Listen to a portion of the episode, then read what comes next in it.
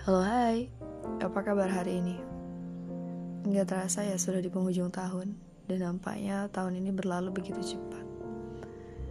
Liku-liku masalah dan ujian hidup yang semakin naik tingkat Ngebuat manusia jadi sering seuzon kepada Tuhan. Ya, kita emang paling jago dalam berekspektasi. Kerap kali egois agar Tuhan mau mengabulkan setiap keinginan kita.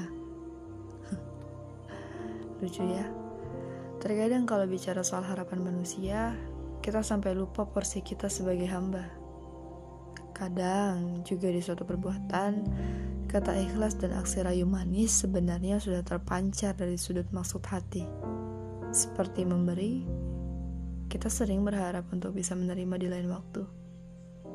Enggak apa sih sebenarnya, cuman harapan kecil seperti ini yang kadang ngebuat hati kita selalu merasa haus nggak tenang terhadap hal yang belum bisa dicapai, terhadap hasil yang dirasa tak sejalan dengan usaha, bahkan menolak takdir yang sudah ditetapkan.